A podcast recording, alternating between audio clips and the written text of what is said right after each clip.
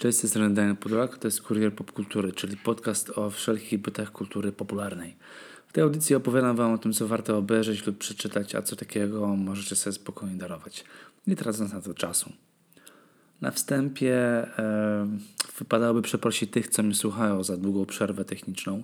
Przez ten czas wiele rzeczy się wydarzyło, mnóstwo ciekawych filmów, książek, komiksów wyszło. E, no i właśnie w tym odcinku chciałbym się skupić na serialach e, emitowanych na różnych platformach streamingowych, abyście wiedzieli, co zwyczajnie warto włączyć. Na miejscu pierwszym wypada kultowa produkcja stworzona przez braci Duffer, czyli Stranger Things. Największa i najsłynniejsza produkcja Netflixa, znana jest chyba na całym świecie. Mm, nie trzeba jej szerzej przedstawiać. Chyba ciężko byłoby znaleźć kogoś, kto jej nie kojarzy. E, właśnie nie, ponad tydzień temu miała miejsce światowa premiera czwartego sezonu, który został rozbity na dwa tomy. Pierwszy już za nami. E, premiera kolejnego odbędzie się 1 lipca. No i właśnie tutaj jest, e, mam spory żal w związku, e, w związku z, z rozbiciem tego sezonu na dwie części. E, moim zdaniem jest to niepotrzebne. Zdecydowanie jest to zabieg e, podyktowany warunkami jakimiś finansowymi. Szkoda, bo po zakończeniu obejrzenia, e, po zakończeniu tego sezonu, czwarte, pierwszego tomu czwartego sezonu, e, czuję spory niedosyt. E, zakończył się w swoim takiego rodzaju cliffhangerze. Dużo rzeczy się tam wydarzyło. Jeżeli go nie oglądaliście, koniecznie nadróbcie. moim skromnym zdaniem, tak myślę, że czwarta, czwarty sezon jest zdecydowanie mroczniejszy i brutalniejszy od, od pozostałych części e, i uderza w nieco poważniejsze tony. Bohaterowie zresztą dorośli, tak? Są, to są e, już inni, inni e, inne postacie. Tak jak wspomniałem, doroślejsza. No i w związku z sam, sama formuła serialu musiała się zmienić. Jest e, niemniej jednak serial e, ogląda się genialnie, jest sporo akcji, jest sporo e, strachu. Mm, e, nieco serial w pewnych momentach przypomina mi Koszmar z ulicy Wiązów, zwłaszcza trzecią część e, w reżyserii Wes'a Cravena. E, nie będę mówił w których momentach i przez co, żeby nie psuć wam atmosfery zaglądania. No jednak, niemniej jednak są tam pewne echa, przebrzmiewają w tym, wybrzmiewają w tym filmie, w tym serialu. Z tego, co udało mi się ustalić, praca nad czwartym sezonem kosztowało mnie mniej więcej 30 e, milionów dolarów. Jest to najdroższa seria, e, a te 30 milionów dolarów zostało przeznaczone na wyprodukowanie jednego odcinka, wyobraźcie sobie. To nie jest na całą serię, na cały sezon. To jest jeden odcinek, trwający jakąś godzinę. Warto dodać również, że w czwartym sezonie wszystkie efekty są e, wszystkie efekty nie są komputerowe, nie są wyłącznie e, stworzone na bazie CGI. E, mamy tam dużo efektów praktycznych, e, sporo mechaniki. E, główny, główny zły charakter, e, czyli Wekna, została w 90% wykonana w na zasadzie efektów praktycznych. E, cudownie się to ogląda. E, potwór jest e, znakomicie zrobiony, mm, więc szapoba dla twórców, zwłaszcza makijażystów, którym ponoć zajęło aż 7,5 godziny stworzenie całego makijażu, mm, całej charakterystyki aktora, który grał właśnie tą postać. Więc duże, duże, duże e, brawa dla, dla, całej, dla całej ekipy. Mm, przechodząc właśnie tym, e, tym sposobem, przechodzimy do e, serwisu newsowego. Mm, no i na pierwszym miejscu jest oczywiście prequel Furiozy. 1 czerwca na Twitterze Chrisa Hemswortha wyciekła informacja dotycząca kolejnej części ze świata Mad Maxa w reżyserii George'a Millera pod tytułem właśnie Furioza. Mm, film ma się skupiać na tytułowej postaci granej do tej pory przez Charlize Theron w wersji z 2015 roku. No a właśnie tym razem tę, dokładną, tę konkretną postać ma zagrać Anya Tyler-Joy. Mm, Joy występowała m.in. już w filmach z pogranicza fantastyki i horroru. Widzieliśmy ją w Nowych Mutantach, czy chociażby w Ostatniej Nocy w Soho. Mm, swoją drogą filmy bardzo dobre. Mm, obydwa skrajnie różne. W ogóle nie można ich, nie można ich wrzucić do tego samego wora. E, ostatnia, ostatniej nocy w Soho e, oglądała mi się znakomicie. Mm, widziałam ten film niedawno. E, no i duże, duże, duże brawa dla pani, jak i reżysera filmu. W filmie ma również zagrać Chris Hemsworth w tej, w tej nowej wersji Furiozy. Premiera jest e, planowana na 24 maja 2024 roku, e, więc zobaczymy. Trzymam kciuki. Trzymam ogromne, ogromne e, kciuki w nadziei, że film, film będzie chociaż w połowie tak dobry jak ten z 2015 roku, który na całym świecie zarobił 400 milionów dolarów. No i zgarnął przy okazji sześć Oscarów. Między innymi, owszem, były to Oscary za stronę techniczną, wizualną filmu, która, no, którą teraz obecnie mógłbym przyrównać e, trochę do Duny. Duna też, to, to jest podobna sytuacja. Duna zgarnęła Oscary, ale nie za, nie za historię, nie za scenariusz, nie za reżyserię, z tego co wiem, a za stronę techniczną, wizualną. E, podobnie było właśnie przy Mad Maxie.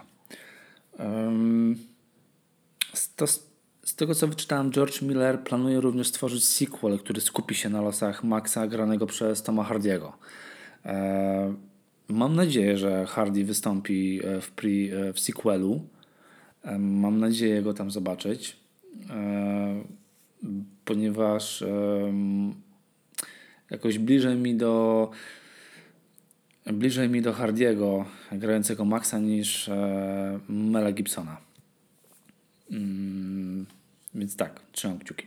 Jestem fanem wersji z 2015 roku i mam nadzieję, że ten projekt e, dojdzie do skutku i będzie, będzie tak dobry jak wersja, jak, jak, jak ten Mad Max, którego mieliśmy, e, mieliśmy okazję obejrzeć jakieś 7 lat temu. E, z kolejnych informacji e, zmarł Isidoro Raponi. Jest to bardzo smutna, smutna wieść. E, włoski mistrz efektów mechanicznych znany z prac przy takich klasykach jak E.T., King Kong czy Obcy Ósmy Pasażer Nostromo. To jest zaledwie garstka filmów, przy których maczał swoje zdolne palce. Raponi urodził się 30 czerwca w 1945 roku w miasteczku o nazwie Frosinone. No i w 1975 przyleciał do Los Angeles, gdzie rozpoczęła się jego wielka kariera. Rok później w 76 zaczął pracę nad, e, nad King Kongiem. To w sumie w tym roku ten film już został wyprodukowany przez Dino De Laurentisa, który pierwotnie chciałby ten film wyreżyserował Roman Polański, słuchajcie. Ten oczywiście się nie zgodził i w rezultacie film trafił do... Filmem zajął się John Guillermin e, który był swoją drogą bardzo doświadczonym reżyserem w wielkobudżetowych produkcjach i, i nie zawiódł tym razem. Film okazał się sukcesem kasowym, bo już w 10 dni przyniósł dochód w skin całego świata w wysokości 26 milionów dolarów, no i umocnił tym samym wytwórnię e, Paramount Pictures. E, Raponi miał takie filmy na swoim koncie jak Skazanie na Shawshank, Uciekinier, Zielona Mila e, i chociażby jeden z ostatnich filmów, przy, którym, przy których pracował razem z Benem Affleckiem, to Operacja Argo z 2008 roku, który również przyniósł Oscara filmowi. Raponi odszedł w wieku 76 lat z powodu niewydolności serca. E, jest to ogromna strata dla kinematografii, ogromna strata dla rodziny, e, dla, dla wszystkich tak naprawdę, którzy, którzy kochali jego filmy. Filmy, przy których pracował. Kolejna informacja, trochę już e, nieco weselsza, e, to arachnofobia e, w reżyserii Londona. Wersja, nowa wersja pojawi się możliwe w 2024 roku. No i jest oczywiście remake'iem już troszeczkę mm, takiej ramotki z 90 roku pod tym samym tytułem, czyli Arachnofobia. Swoją drogą film, uwielbiałem ten film w młodości. Oglądałem go już lata, lata temu. Pamiętam jak pamiętam jak pierwszy raz zobaczyłem te pająki na skaczące po ludziach na ekranie. Zrobiło to na mnie ogromne wrażenie już za dzieciaka. I film, e, mam nadzieję, że ten nowy, ta nowa wersja będzie jeszcze straszniejsza. Dla ludzi, którzy boją się pająków, będzie to z pewnością e, ciężki orzech do zgryzienia. E, natomiast ja trzymam kciuki również za ten projekt. Landon jest reżyserem, który wyreżyserował m.in. Śmierć nadejdzie dzisiaj. To jest też swoją drogą jakaś humorzasty, jakiś humorzasty horror.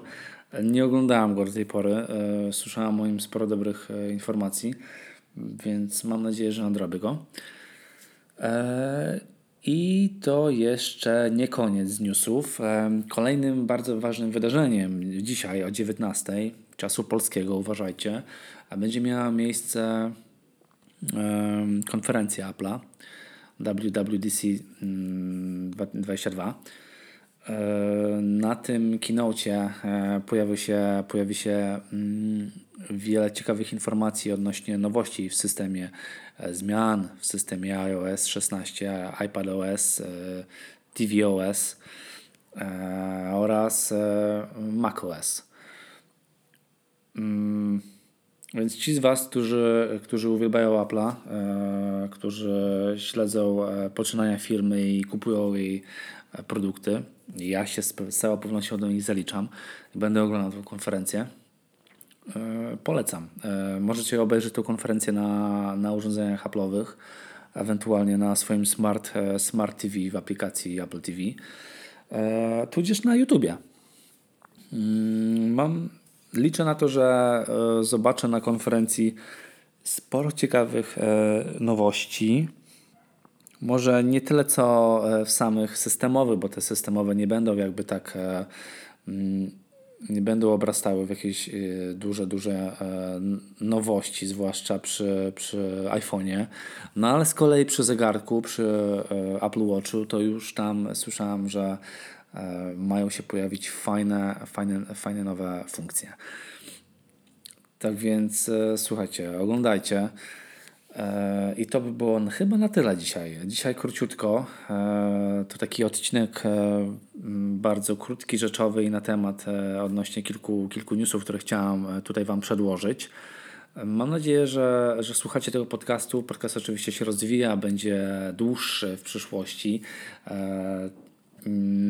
i, i, i będzie zmieniał swoją formułę. Teraz natomiast no, chciałam, e, chciałam, go, chciałam w nim zawrzeć e, wszystkie takie najciekawsze, mm, najciekawsze newsy z świata popkultury, kilka przynajmniej, chociażby tych takich e, z, ostatniej, z ostatniej chwili. Tak więc tak, dzięki wielkie, że mnie słuchacie. Jeżeli mnie słuchacie, e, jeżeli nie, to zacznijcie. E, czekam na jakiś feedback e, od Was. Możecie krytykować, byleby konstruktywnie.